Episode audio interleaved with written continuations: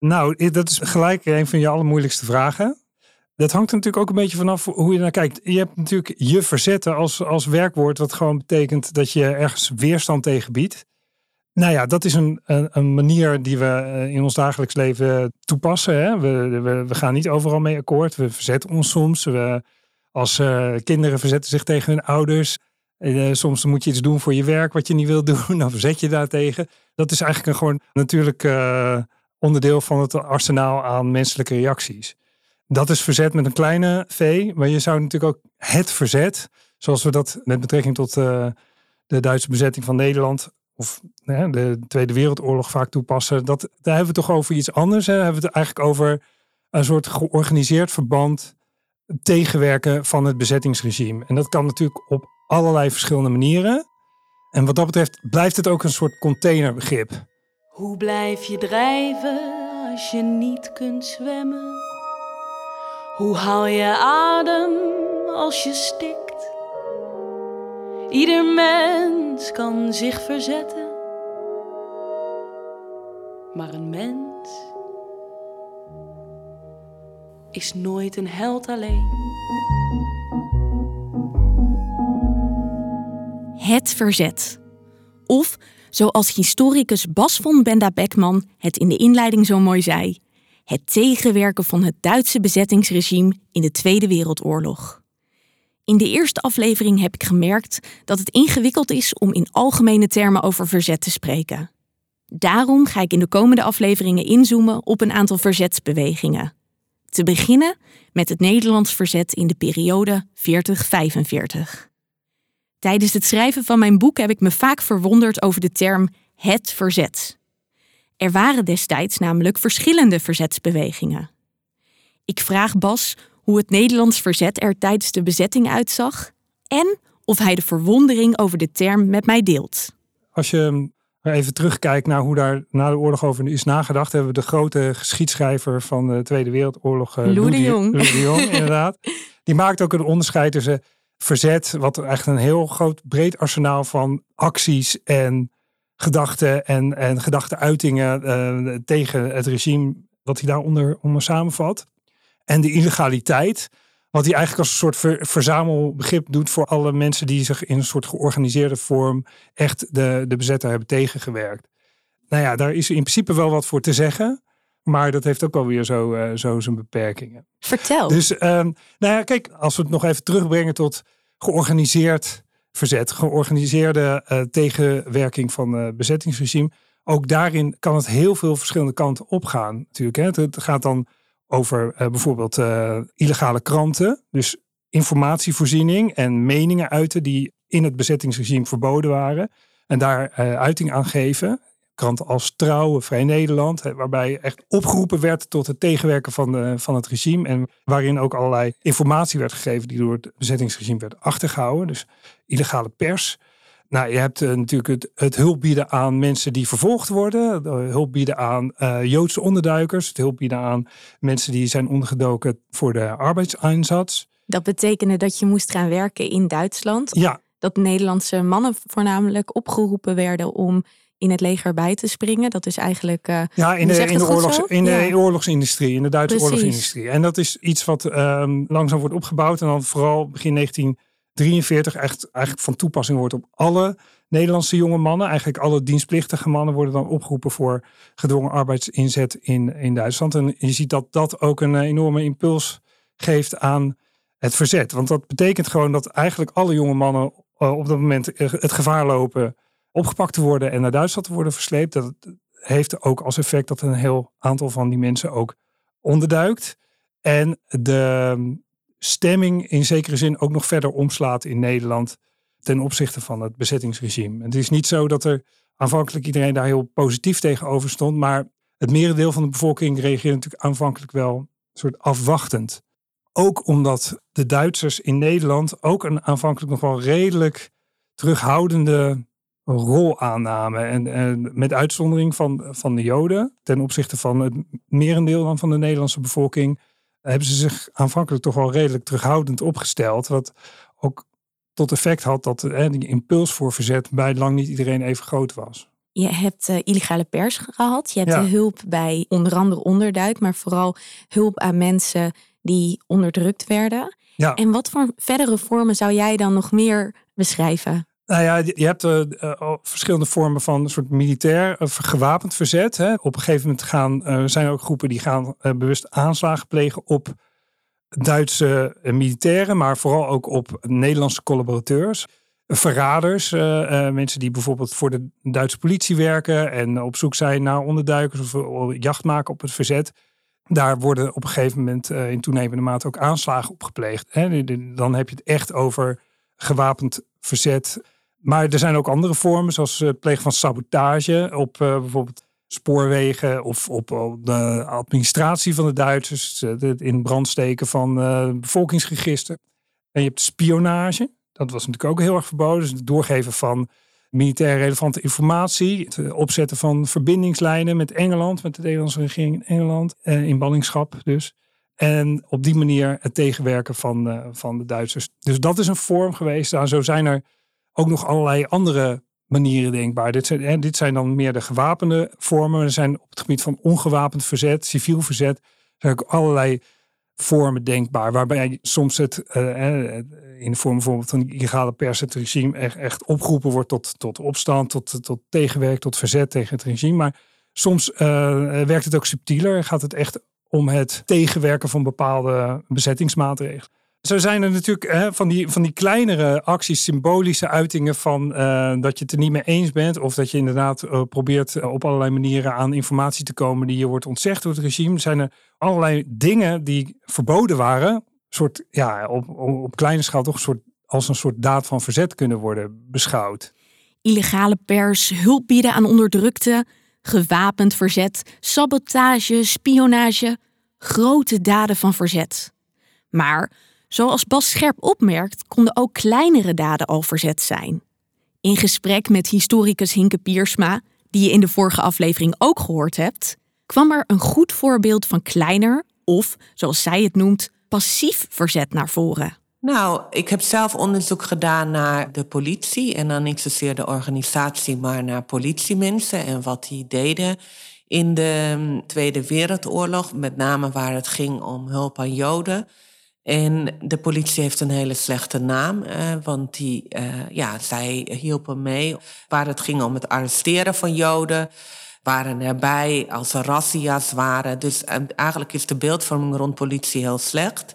Een foute organisatie. De organisatie was overigens ook fout. Maar ik was heel nieuwsgierig hoe individuele politiemensen dan toch hadden geprobeerd om het verschil te maken. En dat maakten ze. Bijvoorbeeld door van tevoren te waarschuwen wanneer er een razzia-opkomst was. Of onderduikers um, te waarschuwen wanneer hun plek verraden was. Of de deur van de gevangenis open te zetten op het moment dat niemand keek, zodat iemand kon ontsnappen. En met die vormen van verzet, dus het wegkijken of het waarschuwen, werden mensenlevens gered. Maar over deze vorm van verzet is heel weinig bekend, omdat ik denk en dan loop ik misschien op iets vooruit. Maar omdat, ja, daar liep je verder niet mee. Je zat toch in die foute organisatie. Dus met de kennis die we na de oorlog kregen over de moord op 6 miljoen Joden, was het, ja, was het nou niet, niet iets om je op de borst te slaan. Hinke maakt een duidelijk onderscheid tussen actief en passief verzet. Maar die twee stonden ook met elkaar in verband. Ze hadden invloed op elkaar. Ik denk bij actief, dan is het op de barricade staan en is het inderdaad het gewapend verzet, het opblazen van spoorlijnen, het bevrijden van de gevangenen, het overvallen van distributiekantoren, waar de politie overigens een heel belangrijke rol speelde. Dat waren vaak lokale mensen. Dus bij de overval op distributiekantoren bijvoorbeeld, was de lokale politie zeer van belang of die goed of fout was. Als ze goed waren, dan konden lokaal verzet zijn gang gaan om de voedselbonnen uit de kantoren te halen. Liesbeth van der Horst, directeur van het Verzetsmuseum, die je ook in de vorige aflevering gehoord hebt, heeft hier een belangrijke aanvulling op. Nou, het liep in, in, in praktijk natuurlijk allemaal door elkaar. De meeste mensen uh, die in het verzet zaten, Hè, bijvoorbeeld, neem, neem Hannie Schaft. Hè? Ja. Heel beroemd. Goed voorbeeld. Uh, goed voorbeeld. En die koos voor gewapend verzet. Maar ze is haar verzetswerk gewoon begonnen, ook door de Joodse vriendinnen te helpen met valse persoonsbewijzen. En zo zijn er natuurlijk veel meer voorbeelden dat de mensen die het gewapend verzet deden, ja, die gingen ook overvallen plegen op uh, distributiekantoren om uh, bonnen buiten maken voor onderduikers. En, uh, ja, Zo groei je er naartoe eigenlijk. Ja, dus Dat, loopt, dat loopt toch door elkaar heen. Goed punt. Je koos dus niet voor een vorm van verzet, maar werd onderdeel van een netwerk. En dat kon betekenen dat je je grenzen ging verleggen. Wie waren toch die mensen die in verzet tegen de nazi's gingen? Was er een gemene deler? Ik vraag het aan Bas. Nou ja, de, de vraag is een beetje van. Kijk, iemand als Lou de Jong ging er altijd heel, heel erg van uit dat die gemeenschappelijke deler heel sterk was. En dat iedereen daar ook wel min of meer over eens was. Dat de leiders van verschillende verzetsgroepen toch wel als puntje bij paaltje kwam met schouders uh, naast elkaar stonden. Ik vind het een moeilijk te beantwoorden vraag, omdat de verschillen tussen die groepen, niet alleen in de vorm die ze kozen om het bezettingsregime tegen te gaan, maar ook in hun motieven, in hun politieke opvattingen en hun, ja, soort hun morele, ethische kader, ook vaak best wel ver uiteenliep. En ik denk wel dat er een soort gemeenschappelijk besef was van, hé, hey, wij zijn de illegaliteit, wij zijn het verzet. Maar onder de oppervlakte daar eh, spelen er ook heel veel meningsverschillen, verschillende opvattingen, maar ook verschillende soort morele codes van wat, wat, wat mag je nou wel en wat mag niet. Want als we even ook van uitgaan dat we met verzet ook doelen op iets wat illegaal is, dat is hè, wat deze mensen allemaal delen. Ze passeren de grens tussen wat formeel mag in dat nieuwe regime en wat, wat illegaal is. Dat betekent natuurlijk ook van, hey, nemen die stap naar die illegaliteit, dan ja, welke... Risico's of welke uh, gevolgen kan dat hebben? Ja, maar ook eh, wat zijn dan de grenzen van wat je, wat je doet? En je, je gaat die grens bewust verleggen, maar dan moet je wel opnieuw, uh, en dat zie je dat, dat dat ook iets is waar mensen in het georganiseerde verzet eigenlijk steeds mee bezig zijn. Van wat, wat zijn dan de kaders die we nu nog moeten hanteren om te doen wat we doen? En je ziet dat daar best wel verschillende opvattingen over bestaan. Dat er ook best wel zoeken is, ook voor groepen zelf al, van oké, wat vinden we nou wel een goede verzetsdaad en wat niet? En wat, wat gaat te ver en wat niet? Lang niet iedereen is het er in bezet Nederland over eens dat het een goede zaak is om de wapens op te pakken tegen de Duitsers. En dat heeft niet alleen mee te maken met de vraag van eh, verdienen die eh, collaborateurs of die Duitsers dat om doodgeschoten worden. Dat is natuurlijk één al eh, sowieso al een moreel vraagstuk. Maar wat het nog veel ingewikkelder maakt, is dat natuurlijk het doodschieten van een, een Duitser of een collaborateur ook verdere gevolgen had. Hè. De Duitsers reageren met collectieve straffen, weten vaak niet wie dat is voor hen heel, vaak toch heel moeilijk om er precies te achterhalen wie dan die aanslag heeft gepleegd. En wat er dan gebeurt is dat er vaak represailleacties worden uitgevoerd. Hè. Dat er mensen die al wegens anti-Duitse activiteiten in de gevangenis zitten, uit die gevangenis worden gehaald en ergens worden neergezet en worden doodgeschoten. En al die dingen roepen natuurlijk voor die verzetsmensen zelf de vraag op van in hoeverre ben je daar dan verantwoordelijk voor als jij die aanslag pleegt? Is dit het waard? En daar verschillen de meningen ook dan al behoorlijk. Ik vraag Bas nog een keer wat de gemene deler van de mensen die in opstand tegen de nazi's kwamen was. Natuurlijk zijn er allerlei patronen die mensen wel verbinden daarin. Hè? Bijvoorbeeld christelijke waarden zijn heel belangrijk geweest. Nederland was natuurlijk voor een heel groot deel nog heel gelovig. En je ziet ook wel opvallend veel mensen met een sterk religieuze achtergrond die uh, ook aan het verzet gaan deelnemen. Zowel in de gereformeerde hoek, maar je ziet het ook in het katholieke zuiden. Dat pastoors en kapelaans zo echt wel een rol spelen. Vooral in dat, in dat civiele en dat beschermende verzet. Zou je dan kunnen zeggen dat er in het geloof een soort van nou, het idee van bijvoorbeeld naast de liefde en zorg voor elkaar, dat dat daarin een rol speelt? Ja, ik denk dat dat, eh, dat, dat een, een, rol speelt. En ik denk ook dat men daar ook wel het nazisme ook als iets heel anti-religieuze organisatie zag. Ook als een bedreiging voor dat geloof. Ook een andere belangrijke groep uh, is natuurlijk, zijn communisten. Niet religieus, maar juist vanuit een heel sterke opvatting over antifascisme. Wat natuurlijk ook al bestaat voordat Nederland bezet wordt. Hè. Dus dat idee dat de NSB bestreden moet worden. De Nederlandse nationaal-socialistische beweging. Dat leeft bij, bij, in de linkse communistische hoek en ook de, vrije socialistische hoek uh, ook al heel sterk daarvoor. En wat daar wel interessant is, is dat vanuit de politieke retoriek van het communisme is het fascisme een soort uitwas van modern imperialisme. En zij zien eigenlijk een soort verwantschap tussen zeg maar, het, het normale, wat kapitalistische, imperialistische systeem. En het fascisme als een soort hele kwade uitwas daarvan. Dus dan dus is het echt op ideologische basis dat zij daar zich tegen verzet hebben. Zeker. En ook in een soort continuïteit van iets wat ze al. Hè, ze, nou, de communistische partij was uh, voor de oorlog niet verboden. Maar het was bijvoorbeeld wel als je ambtenaar was, dan mocht je niet lid zijn van de CPN. Dus er, was, er, er waren wel allerlei beperkingen. Dus er waren allerlei impulsen al om bepaalde dingen ook illegaal te houden, of een soort ondergronds te houden. Dus daar zit ook wel een zekere bepaalde trigger om dit te gaan doen. Ja, en, en, wat, ik, wat ik zelf ook een heel interessante groep vind hierin, ook al is het uh, zeg maar over het algemeen misschien niet percentueel is het een klein groepje, maar ik vind ze interessant en, en ook belangrijk zijn mensen met een, die uit de Nederlandse koloniën kwamen. Mensen als Anton de Kom.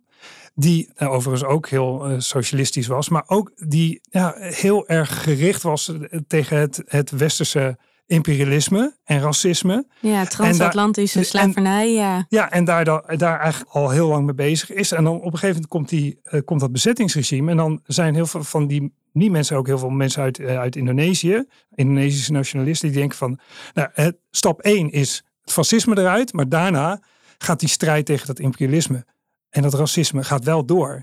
En dat is een hele andere benadering van verzet dan bijvoorbeeld mensen met een heel sterk nationalistische inslag. Hè? In Nederland die juist... Die ook nog had, ja. Die had je ook. En dat is misschien wel nog de belangrijkste. Het idee dat verzet eigenlijk vooral voor het Koningshuis en voor het vaderland is. En dat is ook een hele belangrijke impuls geweest voor, om verzet te plegen. En onder die groep heb je ook mensen die verder een vrij uh, conservatieve opvattingen en nationalistische opvattingen over politiek hebben. En wat het een beetje ingewikkeld maakt, is dat voor die mensen in die tijd zelf dingen ook best hand in hand konden gaan. Dus je kon en een heel sterk idee hebben van oké, dit zijn mijn motieven voor het verzet. En heel erg eh, gesterkt worden door je geloof in God. Of juist door je hoop dat er na de oorlog een revolutie gaat plaatsvinden. Dat we echt een socialistische heilstaat krijgen. En tegelijkertijd ontstaat natuurlijk wel een soort gemeenschappelijk besef van hey, wij samen tegen eh, de Duitsers. Het Nederlands verzet bestond dus uit verschillende verzetsbewegingen met verschillende beweegredenen. En verzetstaden, die varieerden van stiekem naar de radio luisteren tot aan het vermoorden van een nazi of collaborateur. Bas vertelde al dat de oproep voor Nederlandse mannen voor de arbeidseinsatz een moment was waarop het verzet toenam. Ik ben benieuwd of er meer van dit soort momenten geweest zijn.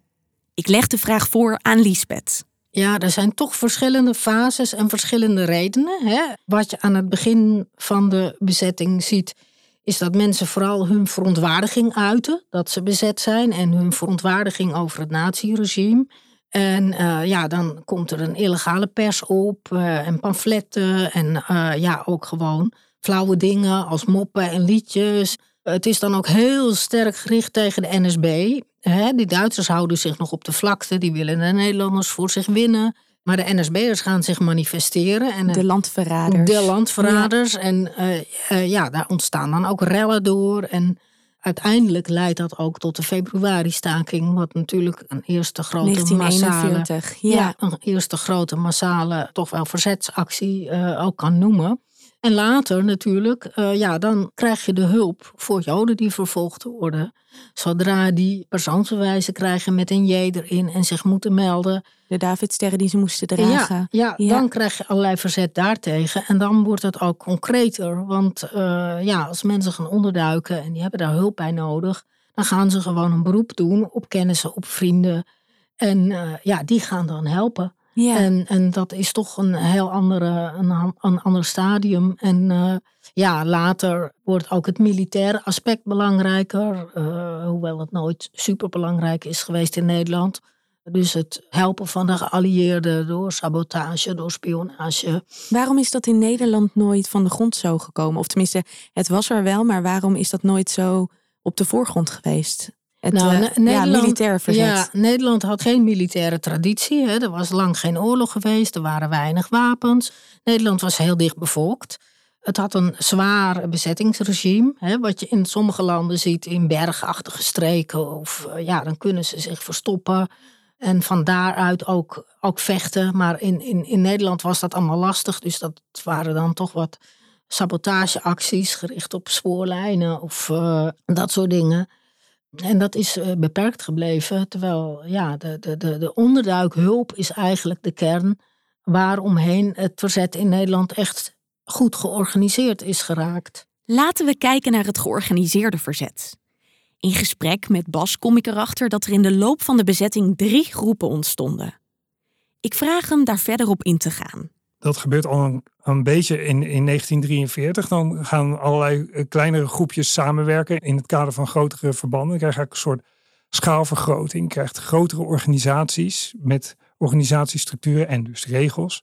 In de eerste plaats heb je de LO en LKP, de Landelijke Organisatie voor Hulp aan Onderduikers en Landelijke Knokploegen, zijn hele mond vol. Dat is voornamelijk christelijk georiënteerde. Over het, al, hè, dat verschilt ook wel een beetje per, per plek, maar daar is het voor een groot deel uh, uit voortgekomen. Eigenlijk begint de LO als een organisatie die onderduikadressen voor arbeidseindsatzonduikers en, en, en Joodse onderduikers, ook wel in de tweede instantie ook, opzet. Die krijgt een soort gewapend zusterorganisatie, de knokploegen. Mensen die voor levensmiddelen zorgen, die verraders uit de weg ruimen, eh, et cetera. Dus die, die gewapend verzet plegen. Die, die organisaties werken samen. Die hebben, eh, zeker in de leiding, een gereformeerd christelijke signatuur. En dan heb je ook de Raad van Verzet, wat ook eigenlijk een hele diverse groep is, maar waarin alle communistische sabotage en gewapende verzetsgroepen in zijn opgegaan. Dus waarin het communistische verzet wel een heel duidelijke stem heeft. En dat verschilt ook een beetje per plek. Waar in Rotterdam is hij bijvoorbeeld helemaal niet communistisch, maar bijvoorbeeld in Haarlem wel heel erg. En dan heb je nog een, een derde organisatie, en dat is de Ordedienst. En de Ordedienst is een beetje een, in zekere zin, vreemde eend in de bijt. Hij ontstaat al vrij vroeg in 1940, maar eigenlijk als een soort paramilitaire stay-behind organisatie de opzet van die organisatie is om eigenlijk pas in actie te komen als de Duitsers verdwijnen of weggaan of verloren hebben. En de verwachting was dat er dan een soort machtsvacuum zou ontstaan in Nederland. En dan zou die ordendienst optreden en in naam van de Nederlandse regering, van de overheid, de orde handhaven. In de zomer van 1944, het najaar eigenlijk van 1944, dan wordt er eigenlijk vanuit Londen, vanuit de regering in ballingschap, een soort initiatief genomen om wat er dan op dat moment al bestaat aan verzetsorganisaties te bundelen in een verzetsleger. De binnenlandse strijdkrachten, die komen onder aanvoering van Prins Bernhard te staan. Uh, dat is tegelijkertijd ook een poging om een soort controle een beetje uit te oefenen op al die groepen die in heel verre gaande mate hun eigen gang gaan. En toch iets van regels te creëren over wat wel mag en wat niet mag. En je ziet dat dat er dan ook allerlei bevelen uitgaan en ook strafmaatregelen worden georganiseerd tegen verzetsgroepen die zich niet aan die regels houden. En eh, zeker wanneer het aankomt op bijvoorbeeld het plegen van aanslagen zonder dat daar uh, van bovenaf een bevel voor is gegeven. Dat is dus dan niet eens de vraag van mag je gewapend verzet plegen of mag, mogen er liquidaties worden uitgevoerd of niet. Maar meer van wie beslist het dan en wat zijn dan de criteria waaraan dat moet voldoen en uh, hoe moet daarmee worden omgegaan. Als de rechtsstaat wegvalt, dan moet je dat opnieuw gaan uitvinden. Moet je gaan, opnieuw gaan bedenken van wat kan wel, wat kan niet, waar moet het aan voldoen, waar moet het niet aan voldoen. Een nieuw systeem creëren. Ja. Daar heb ik eerder nog niet zo over nagedacht. Als verzetstrijder richt je je op de toekomst. Daar vecht je voor. Dus ik kan me voorstellen dat organisaties al tijdens de oorlog bezig waren met de periode na de bevrijding. Als ik goed naar Bas luister, dan was met name de ordendienst zich daarop aan het voorbereiden. Nu vraag ik me af, als we met de kennis van nu terugkijken, heeft het Nederlands verzet dan zin gehad? Heeft het ervoor gezorgd dat de bevrijding eerder in zicht kwam? In het uh, dichterbij krijgen van die bevrijding? Ja. Nee, nee. Nee. Gewoon niet. Wat is de rol van het verzet geweest? nou ja, kijk, dat is, uh, de rol van het verzet is ja, ik denk als je het puur militair opvat, hè, als een soort legereenheid die een bijdrage heeft gespeeld aan een soort militaire overwinning, is de rol van het verzet in Nederland miniem geweest. In tegenstelling tot bijvoorbeeld Joegoslavië, waar, hè, waar je echt grote partisanenbewegingen hebt, hebt gehad die wel degelijk een invloedrijke rol heeft gespeeld. Ja, dit is precies wat ik wilde gaan vragen. Van in vergelijking inderdaad met andere landen. Kun je daar ook een voorbeeld van geven? Waarom is het in Joegoslavië? ik, ik weet daar niks van. Nee, ja, de situatie is daar ook gewoon volstrekt anders. Maar daar, daar zijn gewoon veel grotere. Uh, er is veel meer chaos en veel grotere aantallen gewapende groepen geweest. Die ja, in die eindfase wel degelijk militair wat hebben bijgedragen. Ik ben in mijn onderzoek wel rapporten tegengekomen van de, Engels geheime dienst, waarin een soort verslag wordt gelegd van het verzet in verschillende delen van Europa. Een van die rapportages uh, wordt ook gezegd. Op de ene plek is het heel sterk ontwikkeld, andere, andere plek is het helemaal niet sterk ontwikkeld. Maar over het algemeen zijn ze less happy on the trigger ah, dan bijvoorbeeld in België of in, in andere delen van Europa nadruk lag, hoewel ook hier gewapende verzetsgroepen waren, wel net iets meer op het, uh, op het civiele verzet. Kijk, effect van verzet is natuurlijk altijd heel moeilijk te meten. Maar het is duidelijk dat er op symbolisch niveau een statement werd gemaakt van wij zijn het er niet mee eens. En dat heeft in ieder geval symbolische, waarvoor het moreel heeft dat waarde gehad. Er zijn natuurlijk heel veel mensen ook beschermd. Het had misschien ook nog meer gekund. We horen natuurlijk vaak een heel hoog percentage Joden in Nederland, ook in vergelijking tot veel andere landen, is, is hier wel gedeporteerd. En dat heeft ook in ieder geval een, voor een gedeelte wel te maken met het wat later op gang komen van een soort groot onderduiknetwerk in vergelijking tot andere landen. Weer dat, opstarten van het systeem. Ja, en dat tenminste is, het opstarten, het creëren van een systeem binnen deze situatie. Juist, en dat is niet de enige reden waarom. Uh, dit is een, ook een complexe discussie, een complex verhaal, maar het heeft daar zeker in meegespeeld. Ik besluit dezelfde vraag aan Liesbeth te stellen. Heeft het Nederlands verzet tijdens de bezetting zin gehad? Niet voor de bevrijding van Nederland. Want dat hebben de geallieerden gedaan. En dat beetje militaire assistentie dat er is geleverd, dat, dat was niet bepalend. Ook niet bijvoorbeeld door de Marconisten die Engeland op de hoogte van bepaalde zaken konden houden. Ja, weet je, als je alles bij elkaar op gaat tellen, hè, bijvoorbeeld, was het verzet er niet geweest, nou, dan hadden er veel meer Nederlandse mannen in Duitsland gewerkt als dwangarbeiders. Dan was Duitsland misschien wel minder in de knel geraakt. Maar ja, dat is toch allemaal, ja, ze noemen dat if history. Ja, precies. Dan moet je dingen gaan, gaan reconstrueren en ja, daar kom je toch niet uit. Kijk, wat voor mij wel vaststaat, is dat het verzet moreel ontzettend van belang is geweest. Ik bedoel, er is wel wat gebeurd. Als het niet was gebeurd, dan waren er nog meer Joden vermoord. Uh, waren er nog veel meer mannen in Duitsland moeten werken. En het feit dat Nederland toch dat er verzet is geweest, dat is de moreel wel een, uh, iets belangrijks. Bas en Liesbeth zijn het erover eens dat het Nederlands verzet geen bepalende rol bij de bevrijding gespeeld heeft. Maar wel belangrijk is geweest in het besef dat de bezetting niet geaccepteerd hoefde te worden.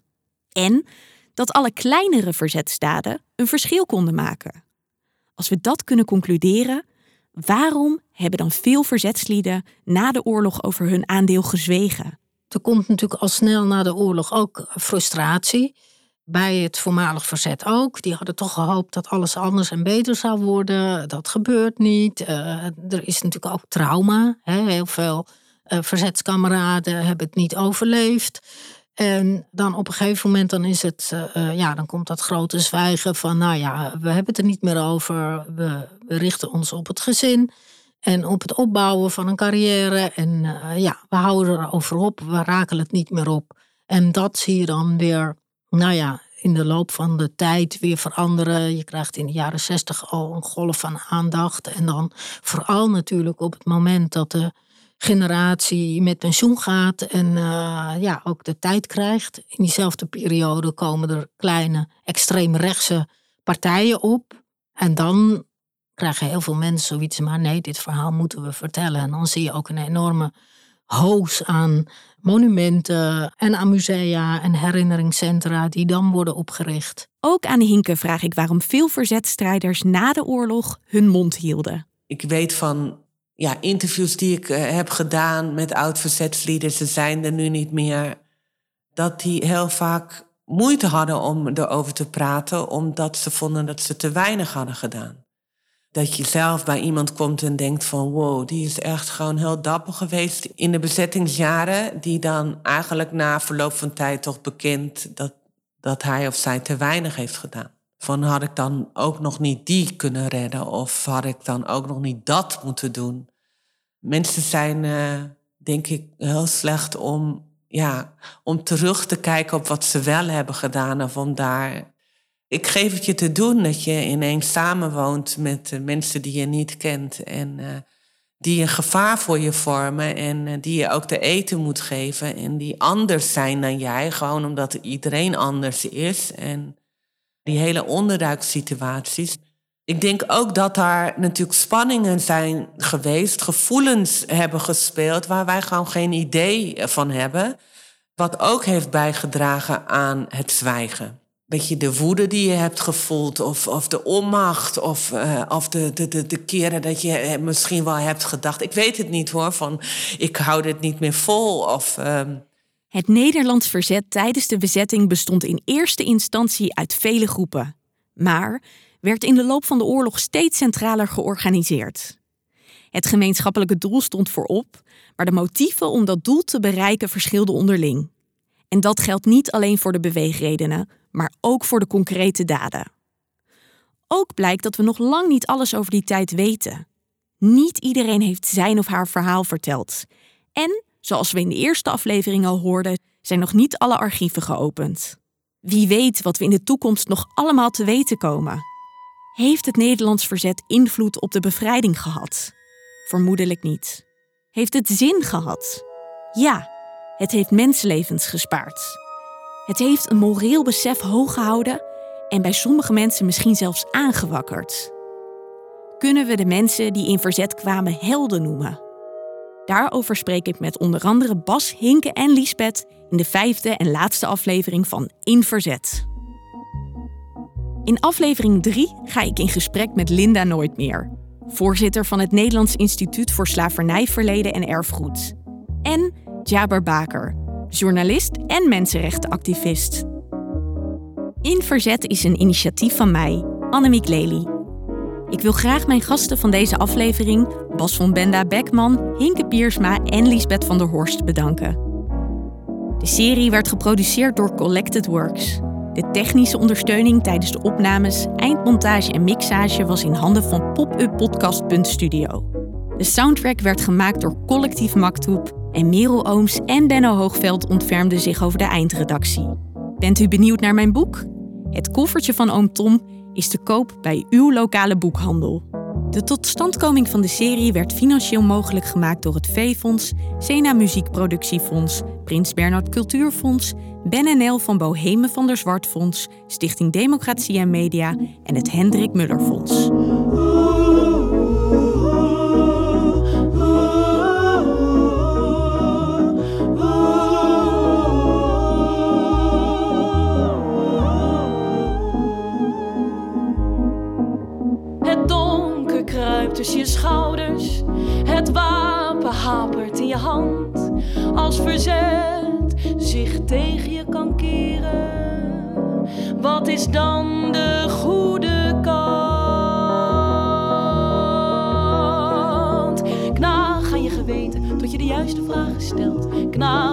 Tot op het been.